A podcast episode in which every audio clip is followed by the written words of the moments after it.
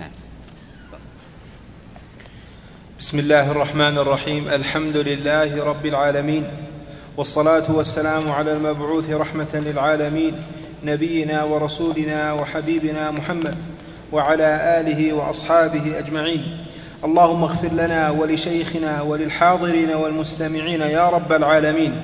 قال الإمام البيقوني عليه رحمة الله ومرسل ما ومرسل منه الصحابي سقط. وقل غريب ما روى راو فقط. الحمد لله رب العالمين وصلى الله وسلم وبارك على نبينا محمد وعلى آله وأصحابه ومن تبعهم بإحسان إلى يوم الدين أما بعد. تقدم الكلام معنا على معنى الإرسال وكذلك أيضا بشيء من أحواله. وقلنا أننا نتكلم على شيء من من حكم العلماء عليه. العلماء عليهم رحمة الله تعالى في المرسل يجعلونه من قسم الضعيف يجعلونه من قسم من قسم الضعيف وذلك للعلة الظاهرة في إسناده. العلة الظاهرة في إسناده وهي سقوط الراوي بينهم وبين النبي عليه الصلاة والسلام إما أن يكون تابعي وإما أن يكون مع التابع وإما أن يكون تابعي وصحابي. والعلة في كونه من قسم الضعيف ليس هو سقوط الصحابي لأنه لو سقط الصحابي ما ضرت الجهالة الجهالة من الصحابي. وإنما العلة في ذلك أنه قد يكون بين التابعي والصحابي تابعي آخر تابعي آخر. فالعلماء عليهم رحمة الله يجعلون المرسل من قسيم الحديث الضعيف. وجهالة الصحابي جهالة الصحابي لا تضر. والعلماء يتفقون على أن الصحابة عدول.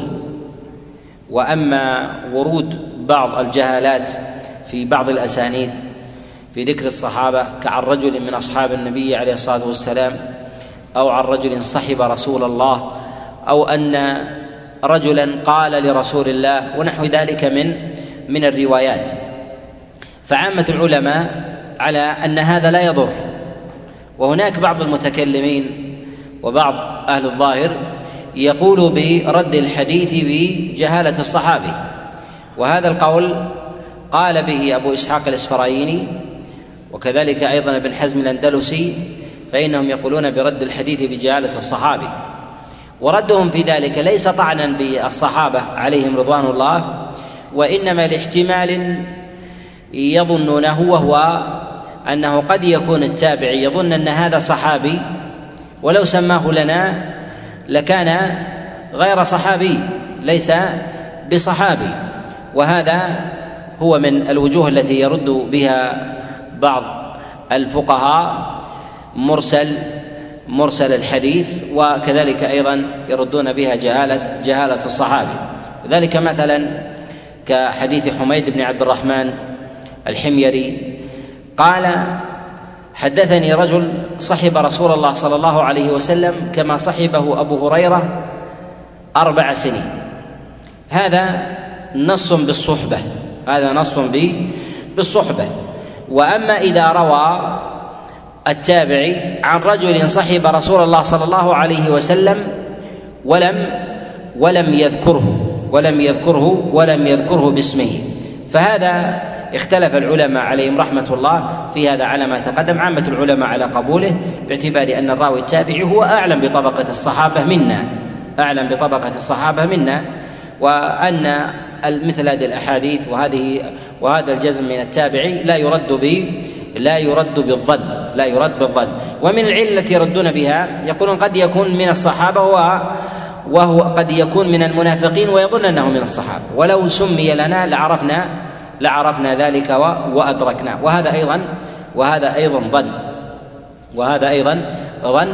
ونقول إن الأصل في الصحابة العدالة. والتابعون هم أعلم الناس بالصحابة عليهم رضوان الله. كما أن الصحابة هم أعلم الناس برسول الله. صلى الله عليه وسلم. وليس لأحد بينه وبينهم قرون من قرون متعددة. ثم يقول إني أدرك ما لا يدركون من معرفة الطبقة التي التي أدركوها.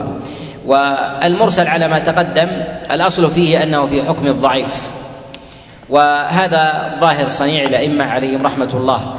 وأما ما يذكره بعض الفقهاء وبعض المحدثين عن الإمام الشافعي رحمه الله من الاحتجاج بالحديث بالحديث المرسل الذي يروى أو يرويه تابعي كبير أو تابعي من الثقات المأمونين الذين لا يرون إلا إلا عن ثقة وذلك كسعيد بن المسيب.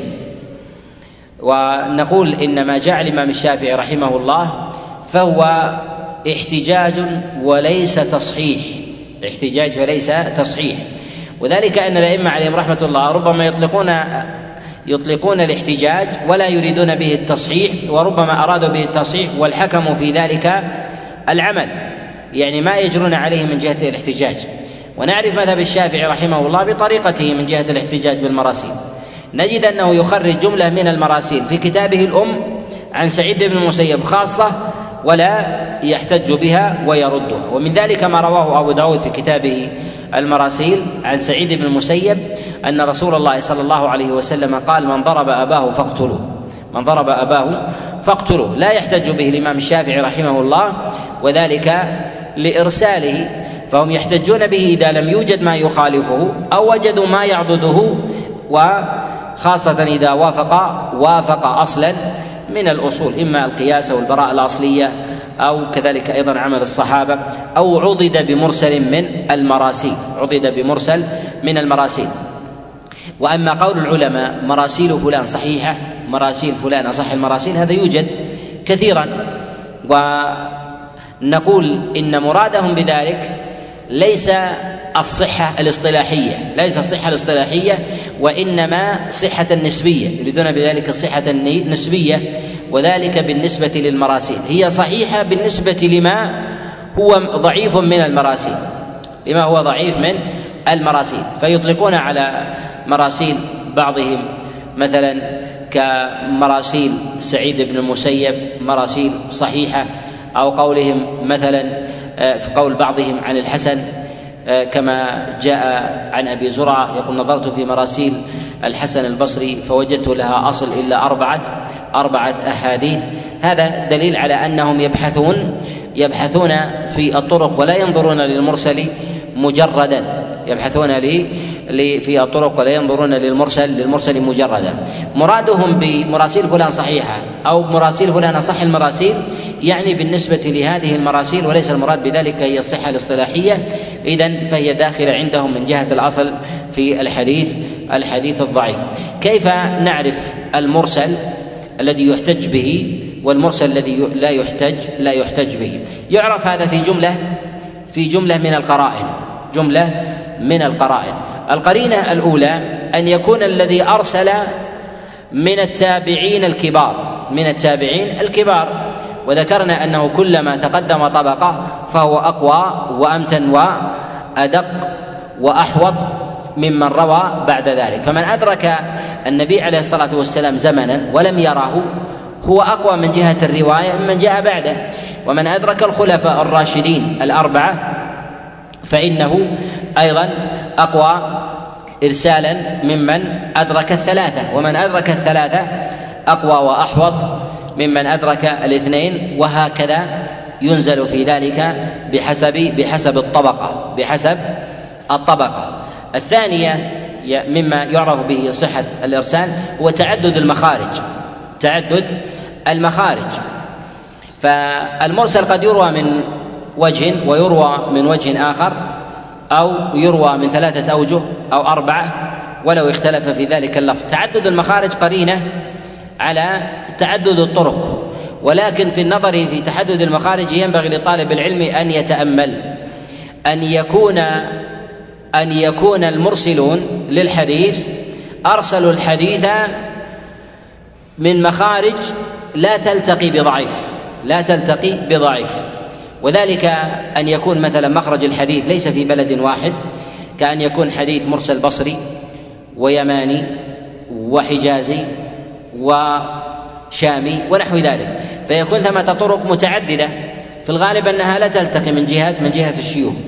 بخلاف الذي يروى مثلا من مدرسة واحدة أو في بلد واحد شيخهم واحد.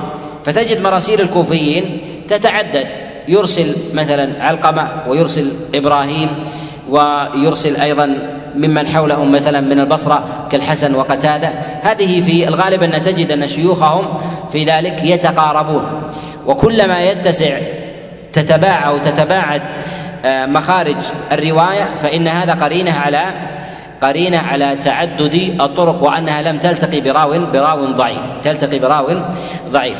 وثمة أيضا أمر آخر من جهة معرفة تعدد المخارج أن يسبر طالب العلم شيوخ التابعين الذين أرسلوا. يسبر المخارج ينظر في في الحسن البصري. هل يلتقي هل يلتقي مثلا مع ابن سيرين ويلتقي مع الشعبي أو يلتقي مثلا ببعض الذين يرسلون في المدينة في الزهري أو مثلا سليمان بن يسار وغيرهم؟ هل يلتقون بشيوخ ضعفاء أو لا يلتقون؟ وكلما كان طالب العلم أكثر صبرا في ذلك كلما كان طالب العلم في ذلك آه، أكثر صبرا للشيوخ والطبقات فإنه حينئذ يكون أعرف بصحة المرسل من من عدمه. ولهذا الأئمة يتابعون ويتتبعون مخارج المراسيل. ولهذا يقول في مراسيل الحسن البصري يقول تتبعت مراسيل الحسن البصري فوجدتها فوجدتها صحيحة إلا إلا أربعة. يعني لها أصول صحيحة إلا إلا أربعة. وهذا إشارة إلى أنه يتتبع ويجد ما يعضده ما يعضده من من المخارج. الأمر الثالث من آه، مما يعرف به قوة المرسل من عدمه أن يكون المرسل أقرب إلى مواضع الوحي من الحجاز كمكة والمدينة. فمراسيل المدنيين أقوى من مراسيل غيرهم من العراقيين والشاميين واليمانيين والمصريين لماذا؟ لأن المدنيين لا يأخذون إلا من شيوخ المدينة غالبا لأن المدرسة عندهم فالأحاديث التي تدور في البلدان خرجت من عندهم خرجت من عندهم فهم يأخذون منهم حتى أورث بعض الرواة نوع من الأنفة أن المدني لا يأخذ من من البعيد ألا يأخذ من من البعيد لماذا؟ لدخول العجمة عند الأبعدين عجمة اللسان كذلك ضعف الرواية والتدليس والابتداع فينتشر في الناس فأصبحت المدينة هي أكثر المدن أو بقاع معاقل العلم نقاوة أكثر المدن أكثر المدن نقاوة وصفاء من جهة الصدق ومن جهة البدعة ومن جهة أيضا ومن جهة الكذب فإنهم فإنهم أصدق الناس وأكثرهم اتباعا للسنة وأبعدهم كذلك أيضا عن العجمة. ولهذا نقول إن البلدان التي تأخرت فيها العجمة أفضل أفضل من غيرها أفضل من غيرها و وأدق. كذلك أيضا فإن شيوخهم في ذلك لو سقطوا فإنهم أولى أولى من غيرهم. الرابع الرابع الرابع من مما يعرف به صحة الحديث المرسل أن يعضده حديث مرفوع ضعيف. أن يعضده حديث مرفوع ضعيف. هو مرسل في ذاته لكن ثمة حديث موصول موصول صحيح موصول, موصول ضعيف يعضد ذلك ذلك المرسل. أو موقوف مروي عن بعض الصحابة عليهم رضوان الله. فإذا وجد حديث مرسل وعضده مرفوع ضعيف أو عضده مرسل أو عضد أو عضده عفوا موقوف عن أصحاب رسول الله صلى الله عليه وسلم فإن هذا قرينة على قرينة على قوته والأخذ والأخذ به. وأعلى ذلك إذا جاء عن صحابي ولا يعرف له مخالف. أو كان في المسألة إجماع وجاء في هذا مرسل. ولهذا نجد في كلام بعض العلماء نجد في كلام بعض العلماء إذا حكموا على مسألة من المسائل بحكم يأتون بحديث مرسل وهو ليس اعتمادهم عليه وليس الاعتماد منهم على هذا الحديث المرسل وإنما يعتمدون على الإجماع يعتمدون على الإجماع. ولكن عند العلماء أن النص المرفوع عن النبي عليه الصلاة والسلام أقوى وأولى بالذكر من الإجماع أولى بالذكر من من الإجماع. وذلك لأن النص يظهر منه الوحي وفضلا عما دون الإجماع من من قرائن الاحتجاج. الخامس أن يعضده أصل من الأصول من غير النصوص وذلك كالقياس كالقياس أو يجري عليه العمل. فهذا أيضا مما يعضد القول بالحديث بالحديث المرسل ويرجحه.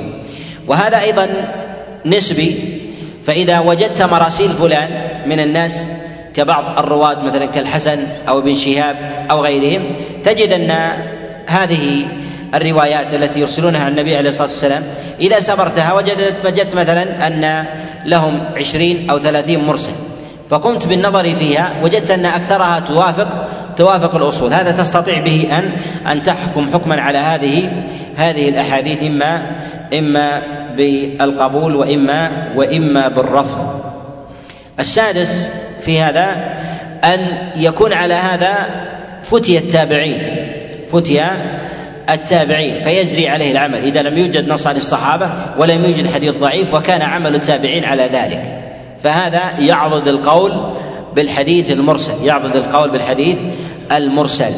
ولهذا نجد الأئمة عليهم رحمة الله يقدمون الحديث المرسل على قول التابعي. يقدمون الحديث المرسل على قول التابعي مع أنهم اعتقدوا بالحديث المرسل عند تقوية بالحديث بقول التابعي للحديث المرسل وذلك لأن لأن هذا يعضد هذا ولكن المرسل أولى بالذكر لأنه أقرب إلى لأنه أقرب إلى القوة وأقرب إلى قول إلى قول المشرع. أقرب إلى قول المشرع.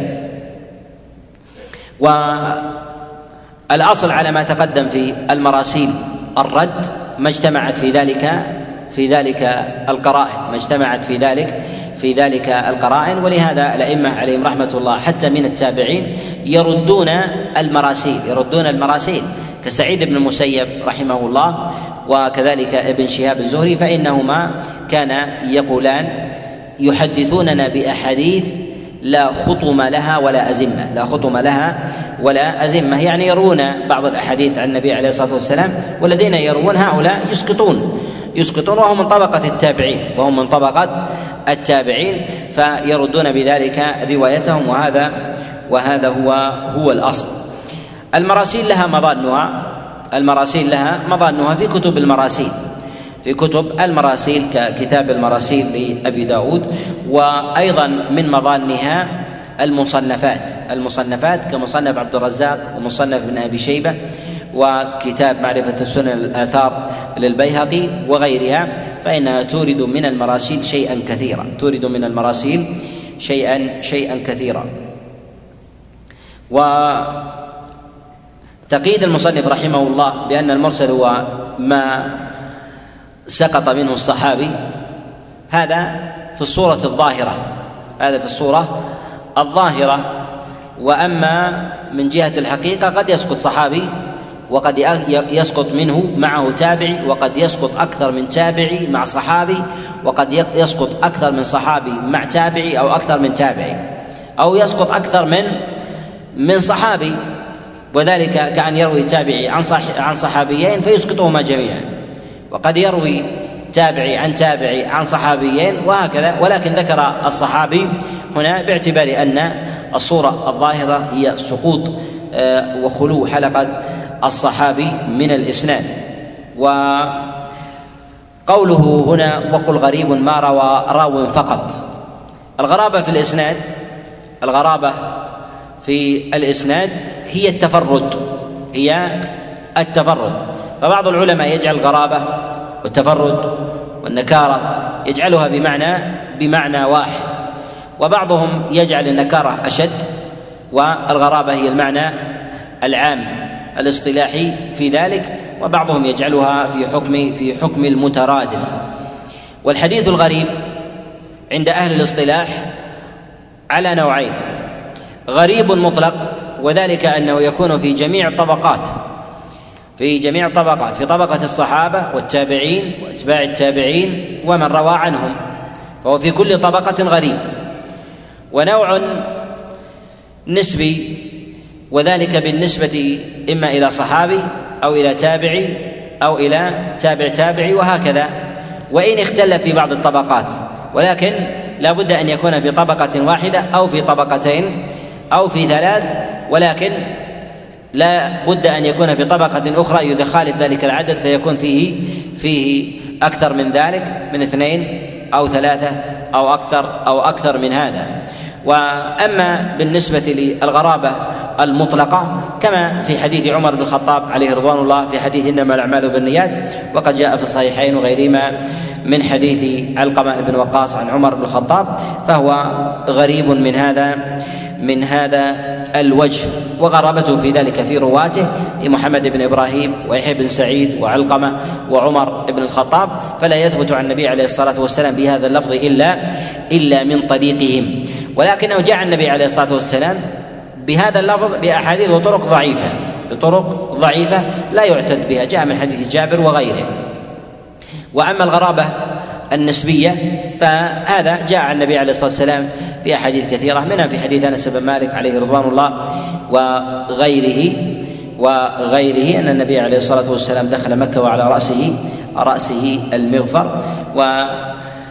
وقوله هنا غريب وثمة كتب مصنفة في الأحاديث الغريبة الأحاديث الأفراد. صنف في هذا جماعة من العلماء. منها ما هي في أبواب الغرابة تامة ككتاب الأفراد والغرائب للدار قطني. ومنها ما هي كتب في غرائب راو من الرواة وذلك كغرائب شعبة وغرائب مالك أيضا للإمام للإمام دار قطني رحمه الله وغيرها. وأكثر الأئمة عناية للغرائب هو الإمام الدار قطني رحمه الله فهو يعتني بها عناية كبيرة ومصنفاته في ذلك ومصنفاته في ذلك شاهد عدل على على هذا. وأكثر العلماء إطلاقا للفظ الغريب هو الترمذي رحمه الله في كتابه في كتابه السنن. يعني الأئمة المتقدمين. يطلق هذه العبارة ربما يطلقها وحدها فيقول حديث غريب وربما يطلقها ويقرنها مع غيرها فيقول حديث حسن غريب أو حديث آه، صحيح غريب أو حديث حسن صحيح غريب أو حديث آه، غريب حسن وغير ذلك من من الألفاظ وله اصطلاح في ذلك يرجع إليه في مظانه كما تقدم الإشارة الإشارة إليه. والغرابة في الحديث الغرابة في الحديث قد تكون إسنادية وقد تكون متنية ولكن مراد المصنف رحمه الله هنا بالغرابة الإسنادية ولهذا قال وقل غريب ما روى راو فقط. أما الغرابة المتنية أن يؤتى بلفظ ولم ولا يوافق ولا يوافق عليه الرواة ولا يوافق عليه الرواة إما من بلد آخر أو أو من أو من مدرسة أخرى. وذلك كأن يكون مثلا هذا المتن لم يرد مثلا إلا من حديث أنس أو لم يرد مثلا إلا من حديث فلان ولو جاء متعددا من طرق متعددة إلا أنه غريب بالنسبة مثلا لهذه المسألة فتفردوا بروايتها من هذا من هذا الوجه أو بهذه الواقعة أو بهذه الواقعة. ولهذا يذكر العلماء حديث غرائب يتفرد بها أهل الكوفة أو أهل البصره أو أهل دمشق أو أهل مصر أو أهل أو أهل الحجاز. فيقولون هذا حديث هذا حديث كوفي أو هذا حديث بصري أو هذا حديث دمشقي وغير ذلك. فيريدون الأحاديث المفاريد في هذا. والأصل في هذا أن هذا نوع علة أن هذا نوع علة. ولهذا نجد أن بعض العلماء كابي داود رحمه الله في كتابه السنن يذكر بعض بعد إخراجه للأحاديث يقول هذا حديث خراساني أو هذا حديث مصري أو هذا حديث عراقي. يريد بذلك أن رجاله ومخارجه إنما تكون من من العراق. فهو غريب من هذا من هذا النحو. فجاءوا بمعنى فجاءوا بمعنى لم يكن موجودا عند عند الأئمة.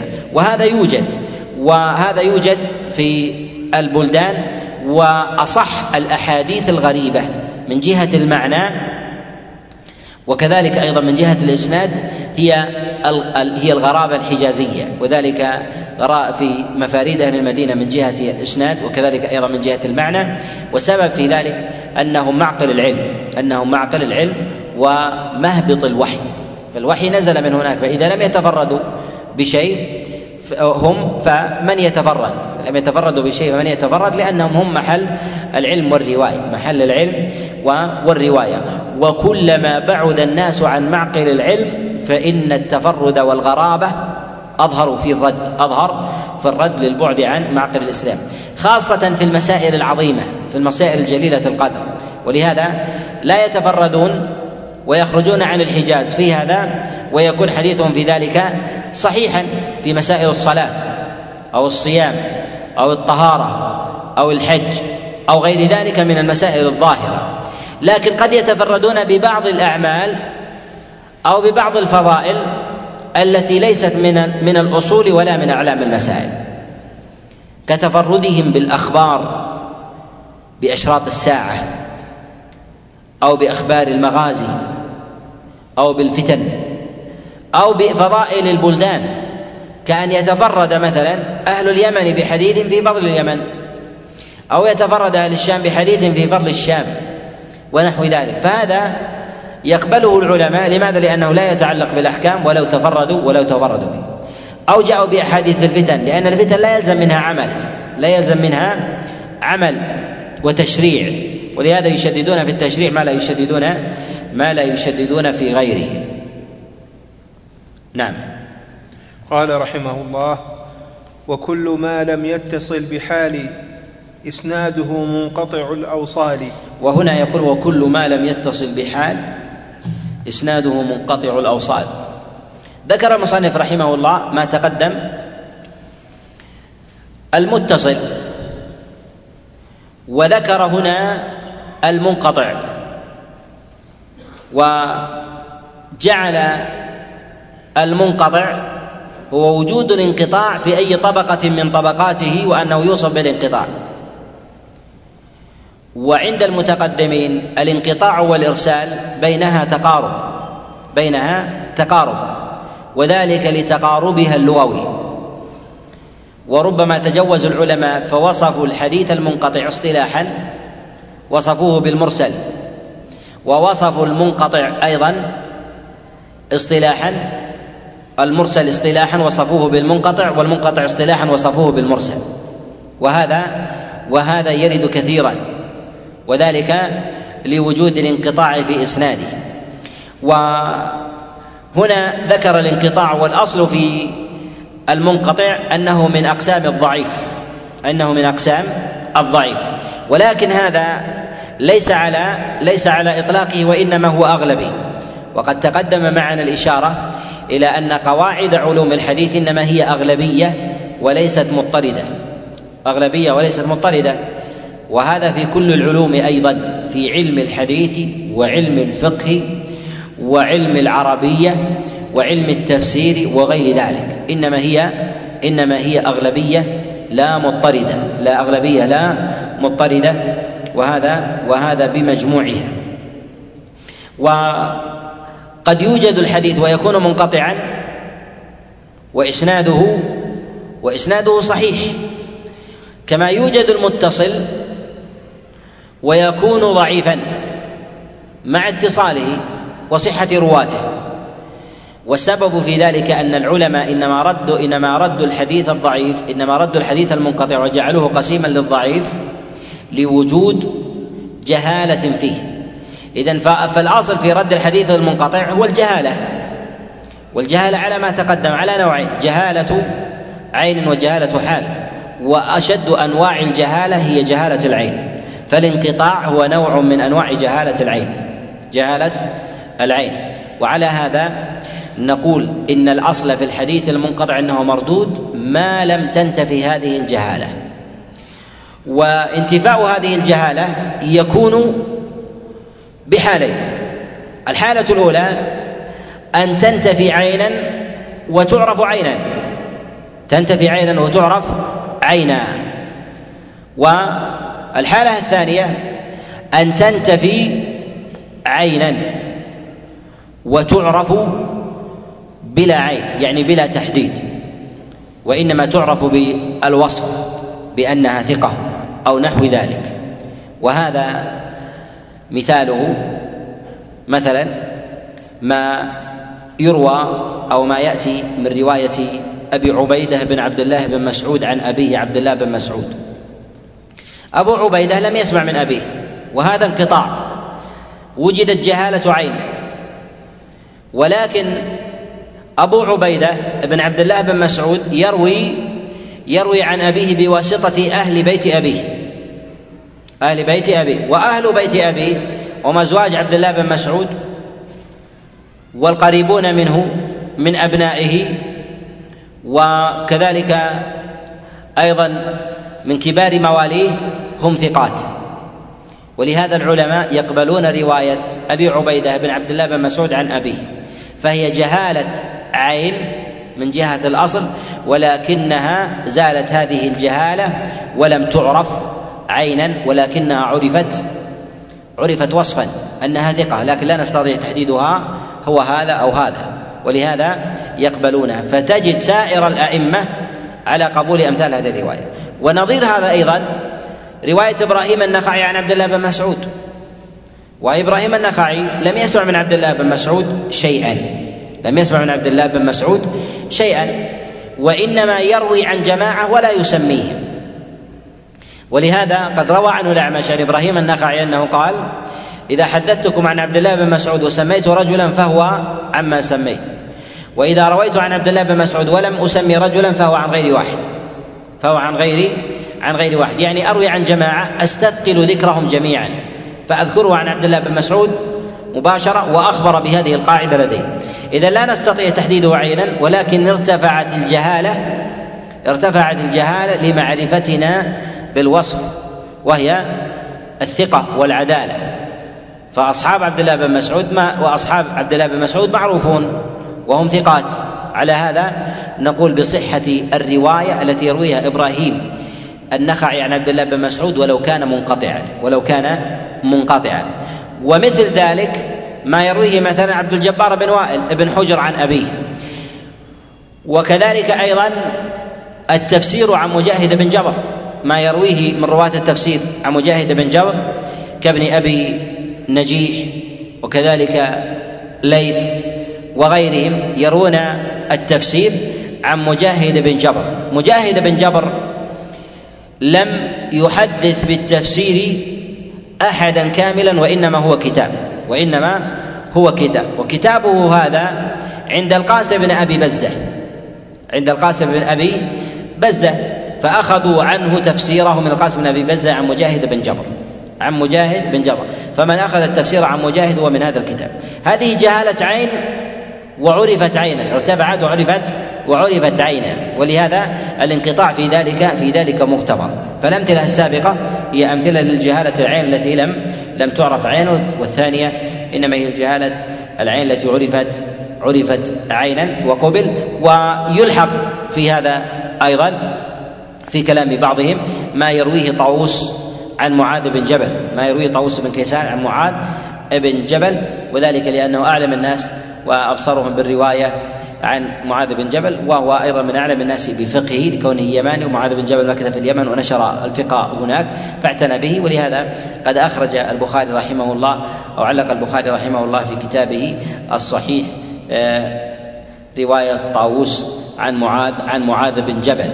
وكذلك أيضا يلحق في هذا ما يرويه سعيد بن المسيب عن عمر بن الخطاب فالأصل في رواية سعيد بن المسيب عن عمر الإرسال. والعلماء يتفقون على أن سعيد بن المسيب لم يسمع أكثر مرويه وإنما اختلفوا في القليل هل سمع أو لا؟ وأكثر العلماء على أنه لم يسمع منه وبعضهم أثبت السماع شيئا يسيرا. والائمه يقبلون روايته لماذا؟ لأنه أعلم الناس بفقه عمر وأدراهم بقضائه. ولهذا كان عبد الله بن عمر وهو صحابي إذا جهل شيئا من فقه ابيه بعث إلى سعيد بن المسيب يساله عن ذلك. وهذا تعديل من صحابي لتابع تعديل من صحابي لتابع. ولهذا نقول إن إن الانقطاع في ذلك مغتفر إن الانقطاع في ذلك مغتفر. ولو لم نعلم الجهالة بعينها ولو لم نعلم الجهالة بعينها. ولهذا نجد الإمام أحمد علي بن المديني والبخاري والترمذي وغيرهم يحتجون برواية سعيد بن المسيب عن عمر بن الخطاب حتى إن الإمام أحمد سئل كما سأله أبو طالب عن رواية عن رواية عن رواية سعيد بن المسيب عن عمر قال إذا لم يقبل سعيد بن المسيب فمن يقبل؟ يعني لعدالته و وكذلك أيضا لأنه يتحرى يتحرى في في روايته. وهذا خاص برواية سعيد عن عمر لا عام بكل رواية لسعيد في المرسلات في المرسلات. ولهذا أنكر علي بن المديني مرسل سعيد بن المسيب عن أبي بكر مرسل سعيد بن المسيب عن عن أبي بكر. فإذا أنكره عن أبي بكر فهو عن رسول الله صلى الله عليه وسلم أشد أشد نكارا. نعم. قال رحمه الله والمعدل الساقط منه والمعضل. والمعضل الساقط منه اثنان وما أتى مدلسا نوعان يقول والمعضل الساقط منه اثنان وما أتى مدلسا نوعان الإعضال هو شدة المرض شدة المرض. ولهذا يقال فلان فيه مرض عضال يعني مرض شديد. مرض شديد وعلة عضال ومشكلة معضلة يعني لشدتها. والمعضل هو ما سقط منه اثنان من الرواة. منهم من قيد ذلك بالتتابع يكون في طبقة واحدة في موضع واحد ومنهم من قال سقط منه اثنان في طب موضع واحد أو في غيرها للاشتراك في قوة في قوة الانقطاع في قوة الانقطاع. ولهذا نقول قد يكون المرسل معضل وقد يكون المنقطع معضل وقد يكون أيضا المعلق معضل لتوفر الوصف فيه. لتوفر الوصف فيه. فالإعضال هو سقوط اثنين. فإذا سقط من جهة المصنف فهو معلق ومعضل. وإذا سقط من جهة النبي عليه الصلاة والسلام فرواه تابعي. وظهر أن أو غلب على الظن الذي أسقط تابعي وصحابي فهو معضل كذلك لأنه سقط صحابي وتابع من رواية. كذلك أيضا إذا سقط من من من أوسط الحديث كذلك وإذا تفرق أيضا يدخل في هذا في هذا الأمر. ويقول وما أتى مدلسا نوعان التدريس في ذلك التدليس هو ستر العيب وستر العيب. و وإخفاؤه. وذلك بإظهار الحسن وإخفاء القبيح. بإظهار الحسن وإخفاء وإخفاء القبيح. والمراد في ذلك هنا أن يظهر الراوي من حديثه السماع أو ما يفهم منه السماع ويبطن ويخفي الانقطاع. ويخفي الانقطاع. ولهذا ذكر المصنف رحمه الله هنا التدليس في سياق في سياق الانقطاع. قال وما أتى مدلسا مدلسا نوعان و يعني أنواع التدليس في ذلك أنه على على نوعين. نعم. قال رحمه الله وما أتى مدلسا نوعان. الأول الإسقاط للشيخ وأن ينقل عمن فوقه بعن وأن والثاني لا يسقطه ولكن يصف أوصافه بما به لا ينعرف. هنا في ذكر المصنف رحمه الله للتدليس وعلى ما تقدم التدليس هو ستر ستر العيب وإخفائه و والمراد في ذلك هو إظهار ما يفهم منه السماع وإخفاء وإخفاء الانقطاع وإخفاء الانقطاع. والتدليس اهتم به العلماء قديما وحذروا منه وبالغوا في ذلك لأن لأنه إخفاء علة الإخفاء علة والعلة الظاهرة من العلل الظاهرة في الحديث هي أيسر من جهة النظر من التدليس لأن العلة الظاهرة مأمونة في فيعرفها فيعرفها المتمرس وغير المتمرس لظهورها بخلاف العلة العلة الخفية في ذلك الذي يتعمد في إخفائها. فهذه تمرر حديثا في صورة الرواية عن النبي عليه الصلاة والسلام وهو وهو خطأ. وهذا فيه تمرير للحديث بالكذب على رسول الله صلى الله عليه وسلم. ولهذا يشدد يشدد العلماء عليهم رحمة الله في هذا حتى إن شعبة ابن الحجاج يقول لئن أزني أحب إلي من أن أدلس يعني لأني إذا دلست كذبت في الحديث عن رسول الله صلى الله عليه وسلم لشدة أمره وخطورته وأثره على الدين لأنه يلزم من ذلك محاولة ستر عيب الحديث ليصح الحديث ويؤخذ به ويعمل لأن الأحاديث الضعيفة إذا ستر العيب فيها يتعبد الناس فيها ويتدين. وربما كانت في الحدود وأقيمت فيها الحدود وكن ربما كانت في المواريث فقسمت أموال وأخذت في أموال لأجلها وسلبت في ذلك حقوق. فاذا يلزم من ذلك ابتداع ويلزم من ذلك أيضا ظلم للناس إما في أبشارهم وإما في دمائهم وإما في في أعراضهم. فعظم في ذلك لعظم الكذب على الله وعلى وعلى رسوله صلى الله صلى الله عليه وسلم. وصنف العلماء عليهم رحمة الله في أبواب التدليس آه، مصنفات منهم ما صنف في ذكر المدلسين و وأحوالهم صنف في ذلك الإمام النسائي رحمه الله ومنهم من صنف في ذلك نظما في ذكر المدلسين. على اختلاف اختلاف أنواعهم. للعلماء جملة من المصنفات بين منظوم ومنثور. صنف في ذلك النسائي على ما تقدم السيوطي رحمه الله وكذلك السخاوي وكذلك آه، أيضا السبكي عليه عليهم رحمة الله جميعا. صنفوا في هذا في هذا الباب في أبواب التدليس. النوع الأول قال الأول الإسقاط للشيخ وأن ينقل عمن فوقه بعن وعن. يقول الأول الإسقاط للشيخ وأن ينقل عمن فوقه بعن وأن يعني أن الراوي أسقط شيخه الذي يحدث عنه لأنه لو ذكره لم يحتج به لضعفه لضعفه. ويروي عمن بعده بعن وعن لماذا قال وعن وعن لأنه لو قال حدثنا وأخبرنا لكان كاذبا لكان كاذبا. والكذب في ذلك يرد به ترد به رواية الراوي في هذا الموضع وغيره. بخلاف المدلس. المدلس ترد روايته فيما دلس فيه وتقبل فيما لم يدلس فيه لأن لأن ذلك تدليس وإخفاء متأول بخلاف الكذب بخلاف الكذب الصريح بخلاف الكذب الصريح.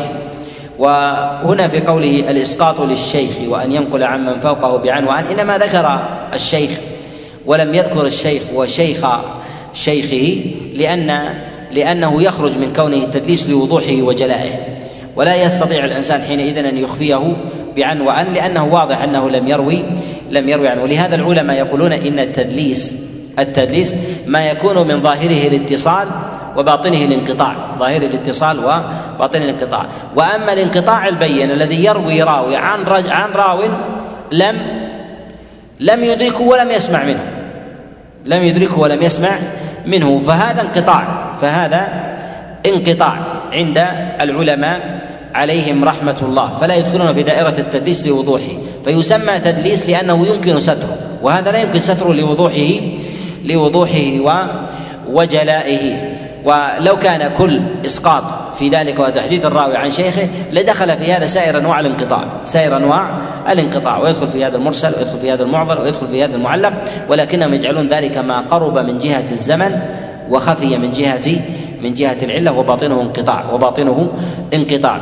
فيسقط الراوي شيخه لضعفه ويروي عن شيخ شيخه وظاهره أنه سمع منه. فربما أدركه زمانا وعاصره أو عاصر أو أو أدركه زمانا أو ساكنه مكانا فكان في بلده. أو التقى معه ولو في موضع عارض في موسم حج أو نحو ذلك. أو في قتال في جهاد في غزوة أو نحو ذلك فيحتمل أنه سمع منه ولم يسمع ولم يسمع منه. يقول هنا ينقل عمن فوقه بعن وأن يعني عمن فوق الشيخ يقول والثاني لا يسقطه لكن يصف أوصافه بما به بما به لا لا ينعرف. ونقول إن أشد أنواع التدليس أن يروي الراوي عن شيخ أدركه وسمع منه ولم ما, ما لم يسمعه منه. يروي عن شيخ أدركه وسمع منه ما لم يسمعه منه. وهذا إثباته شاق. وهذا إثباته شاق. لأنه أدرك الشيخ وسمع منه لكن هذه الرواية ما سمع منه. فقال عن ولم يقل حدثنا. ولم يقل حدثنا. ويليه بعد ذلك أن يروي عن شيخ أدركه ولم يسمع منه شيئا ولم يسمع منه منه شيئا. فهذا أقرب إلى المعرفة من النوع الأول.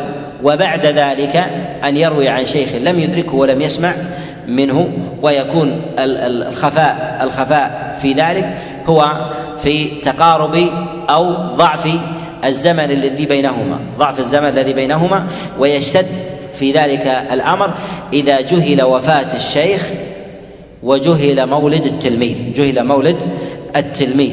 فهذا يقع في ذلك شيء من الإشكال وخفي كذلك أيضا العمر فلا يعرف عمره حتى يضبط يضبط ذلك. فإنه إذا عرف العمر وعرف أحد الأمرين الميلاد أو الوفاة فإنه يعرف الباقي الباقي منهما للزومه. و والثاني يقول لا يسقطه لكن يصف أوصافه بما به به لا ينعرف. يعني يذكر الراوي لكن يكنيه.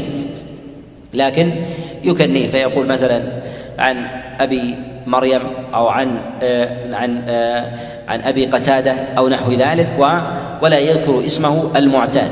فيريد أن أن يخرجه من دائرة شدة الضعف إلى دائرة إلى دائرة الجهالة إلى دائرة الجهالة وخفاء وخفاء حاله وهذا أيضا مردود. وما الحكم في المدلس وما الحكم في الحديث المدلس؟ وما الحكم في الحديث المدلس؟ نقول الحديث المدلس الأصل فيه الرد. إذا كان الذي دلسه يوجب يوجب الضعف يوجب الضعف والرد. وأما إذا عرف الحديث الذي دلسه عرف الواسطة وجاء متابع له من وجه آخر فإنه حينئذ يقبل. لأنه حينئذ يقبل. إذا كان ذلك يمكن معه الاعتراض يمكن معه الاعتراض على طريقة على طريقة المحدثين. وأما بالنسبة للمدلس أما بالنسبة للمدلس فنقول إن المدلس في ذلك على أحوال. الحالة الأولى أن يكون مكثرا من التدليس أن يكون مكثرا من التدليس. فهذا الأصل عدم قبول روايته الأصل عدم قبول روايته. عدم قبول روايته. لأنه ليس بمأمون.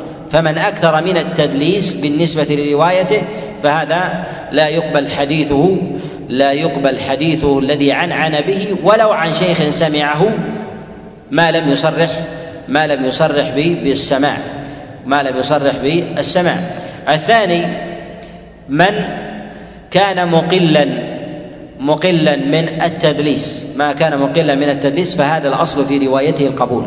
الأصل في روايته القبول. ولا يرد قليل تدلي قليل تدليسه ولا يرد قليل تدليسه ب ب فلا ويرد كثير حديثه بقليل بقليل تدليسه.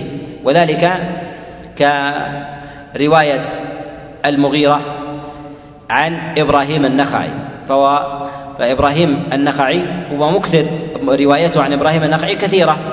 وله تدليس عنه وله تدليس تدليس عنه. من العلماء من يصفه بالكثرة كابن حجر رحمه الله ومنهم من يقول إن حديثه عن إبراهيم كثير ولكن ولو كان تدليسه عنه يوصف بالكثرة إلا أنه دون دون كثرة حديثه من جهة من جهة الرواية.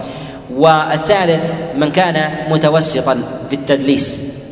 متوسطا في التدليس فيقال إن الأصل في ذلك رد روايته فيما يعنعن به عمن يدلس عنه عادة وذلك لعدم لعدم تمييز ذلك. فيلحق في الأول في الأول احتياطا يلحق في الأول احتياطا. وثمة أيضا أمر مهم في جانب التدليس وهو أنه ينبغي لطالب العلم في أبواب التدليس أن يهتم بجملة من المسائل أن يهتم بجملة من المسائل. أول هذه المسائل أن يعرف نوع التدليس الذي يوصف به الراوي عند الوقوف عليه عند الوقوف عليه. ومعنى هذا أن الراوي من الرواة قد يوصف أنه مدلس ووجد في الإسناد ووجد في الإسناد. فلا بد من معرفة نوع التدليس الذي وصف به. فربما يدلس عن شيخ بعينه لا يخرج عنه لا يخرج عنه وذلك كتدليس مثلا الوليد بن مسلم عن الأوزاعي ويدلس عن الأوزاعي. تدليسه عن غيره نادر أو معدوم نادر أو معدوم. فإذا روى حديثا عن غيره فهو يختلف من جهة روايته وتدليسه عن الأوزاعي في في هذا. كذلك أيضا أن يعرف نوع التدليس فربما يدلس بنوع بنوع لا يدلس لا يدلس عن غيره. مثال ذلك الحسن البصري. الحسن البصري وصف بالتدليس ولكن التدليس الذي وصف به أنه يروي عن صحابة ما لم عن صحابة لم يدركهم تابعي ويروي عن صحابة لكن يروي عن صحابة لم يدركهم. اذا إذا روى عن تابعي من التابعين وعن عن هل ترد روايته أم لا ترد؟ لا ترد روايته. لماذا؟ لأننا عرفنا النوع الذي وقع فيه. ووصفه الأئمة به. ولهذا نرد عن عنة الحسن إذا حدث عن الصحابة في من لم يسمع منهم ولا نرد عن عنته عن التابعين مطلقا إلا إذا ثبت خلاف خلاف ذلك. لأن عن عنة إنما هي عن الصحابة ترد لا عن لا عن التابعين. ولهذا لا بد من معرفة النوع. لا بد من معرفة النوع. فالعلماء في مصنفاتهم يجملون بوصف الراوي بالتدليس وقلما يذكرون نوع تدليسه. فيقولون فلان مدلس. ولا يذكرون ولا يذكرون نوع نوع تدليسه. ولا يذكرون نوع التدليس فعلى طالب العلم أن يمحص ذلك بالرجوع إلى الأصول. بالرجوع إلى الأصول. والأصول في هذا هي الكتب التي اعتنت بالحكم على الرواة بالحكم على الرواة من الكتب المتقدمة ككتب التاريخ مثلا ابن أبي خيثمة كتب التاريخ لابن معين تاريخ ليعقوب ابن ابن شيبة وابن سفيان وكذلك أيضا التاريخ للبخاري الجرح والتعديل لابن أبي حاتم ما جاء عن الامام أحمد من روايات وكذلك أيضا في المسائل والعلل ما جاء عن الدار قطني وعن أبي حاتم من آه، الجرح والتعديل والعلل أيضا علل الدار قطني وغير ذلك من المصنفات الأصلية. من المصنفات الأصلية. وتتبع هذا الوصف. هل قيدوه بقيد؟ وما هو النوع الذي وقع فيه؟ لأن التدليس له له أنواع. فربما يقع طالب العلم برد رواية راوي وصف بالتدليس فيرد روايته مطلقا ويهدرها. ويهدرها وهو إنما وقع في نوع في نوع واحد من من التدليس. وذلك مثلا كمحمد بن مسلم بن تدرس وهو أبو الزبير يروي عن جابر بن عبد الله. وصف بالتدليس وصف بالتدليس. ولكن تدليسه الذي وصف به إنما هو عن جابر بن عبد الله إنما هو عن جابر بن عبد الله. لا يعرف بالتدليس عن غيره. ثم أيضا إن تدليسه عن جابر بن عبد الله نادر نادر وربما ينفى لقلته وندرته وعدم ثبوت رواية بعينها أنه دلس دلس فيها. وعلى هذا ليس لنا أن نرد روايته مطلقا فيما يحدث به عن عن الشيوخ. ولم يصرح ولم يصرح بالسماع. يقول كيف يعرف أن الراوي مدلس؟ يعرف الراوي بالتدليس بذكر الأئمة له. يعرف الراوي بالتدليس بأمور. أولها ذكر الأئمة له أنه دلس أنه دلس حديثا أو يدلس في روايته. الثاني بالبحث والنظر وذلك مثلا بتتبع الحديث فيعرف أنه ذكر في موضع عن شيخ ولم يصرح بالسماع ثم جاء ذكره في موضع آخر. يعني أنه دلسه في هذا في هذا الموضع. وهذا وهذا من قرائن وهذا من قرائن التدليس. نعم. قال رحمه الله وما يخالف ثقة به الملا فالشاذ والمقلوب قسمان تلا. إبدال نعم. راو ما براو قسم وقلب إسناد لمتن قسم. وهنا ذكر مسألتين مسألة الشاذ والمقلوب. يقول وما يخالف ثقة به الملأ فالشاذ. مخالفة الثقة للملأ يعني الجماعة الشاذ. هنا قيد الشاذ بمخالفة الثقة للجماعة للجماعة. لكن قد يخالف الثقة من هو أوثق منه وليسوا جماعة. واحد وهل يوصف بالشذوذ؟ نعم يوصف بالشذوذ. ولهذا نقول إن الشذوذ هو من جهة الأصل الخروج عن الجماعة أو الخروج عمن هو أقوى أقوى منه في علم في علم الحديث. فإذا خالف الراوي الثقة من هو أوثق منه أو خالف الراوي من هم أكثر منه؟ فهذا فهذا شذوذ فهذا شذوذ. وبعض العلماء يسمي الحديث الذي يتفرد به الراوي ولو لم يخالف غيره في الرواية فلم يروى إلا من طريق يسميه شاذ لأنه تفرد. تفرد يعني بالمعنى. تفرد بالمعنى فترك فترك العلماء الحديث وأخذه فترك العلماء الحديث وأخذه. وكأنه خالفهم بالرواية وخالفوه بالترك. وخالفوه وخالفوه بالترك. والشاذ يختلف العلماء في تقييده. يختلف العلماء في تقييده و وضبطه. العلماء يتوسعون في هذا الأمر ثم أيضا إنه من جهة الاصطلاح. استعمال الشاذ عند المتقدمين نادر. استعمال الشاذ عند المتقدمين نادر بالوضع الاصطلاحي. بالوضع الاصطلاحي. وإنما عندهم استعمال الشاذ ما هو أعم من ذلك هو شبيه بالمنكر شبيه بالمنكر والغريب والفرد. ومخالفة الثقة لمن هو أوثق منه وأكثر عددا الأصل فيها الرد. الأصل فيها فيها الرد. وهنا مسألة في مسألة في زيادة الثقة إذا زاد الراوي زيادة في الحديث على غيره. فهل تقبل أو لا أو لا تقبل؟ نقول الأصل في زيادة الراوي الثقة في زيادة الراوي الثقة الخلاف. من العلماء من قال بالقبول المطلق ومنهم من قال بالقبول إذا لم تخالف إذا لم لم تخالف يعني من تخالف غيره. والصواب في ذلك أنه ليس ثمة جادة لزيادة الثقة وإنما هي قرائن متعددة بها تقبل زيادة الراوي وبها لا تقبل. بها تقبل زيادة الراوي وبها لا تقبل. القرائن في زيادة الثقة متعددة بها تعرف زيادة الثقة من من عدمها. هذه القرائن متعددة. أولها أن ينظر إلى ثقة الراوي الذي زادها. ثقة الراوي الذي زاد هل هو أوثق من ذلك الراوي الذي خالف أو أم لا؟ الثاني أن يخالف الراوي من هم أكثر منه عددا. فربما يخالف ثقة واحد مجموعة يساوونه الواحد منهم ليس بأوثق منه ولكن يساوونه من جهة الثقة و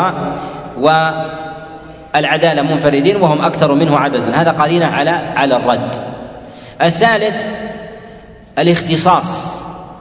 الراوي قد يكون مختص لكنه ليس بأوثق من غيره. مختص بالشيخ فزاد في حديثه عنه زيادة أكثر من غيره. أقوى بزيادة وهم أكثر منه. ولكن هو مختص بشيخه أكثر. فحينئذ نقدمه على على غيره. نقدمه على على غيره.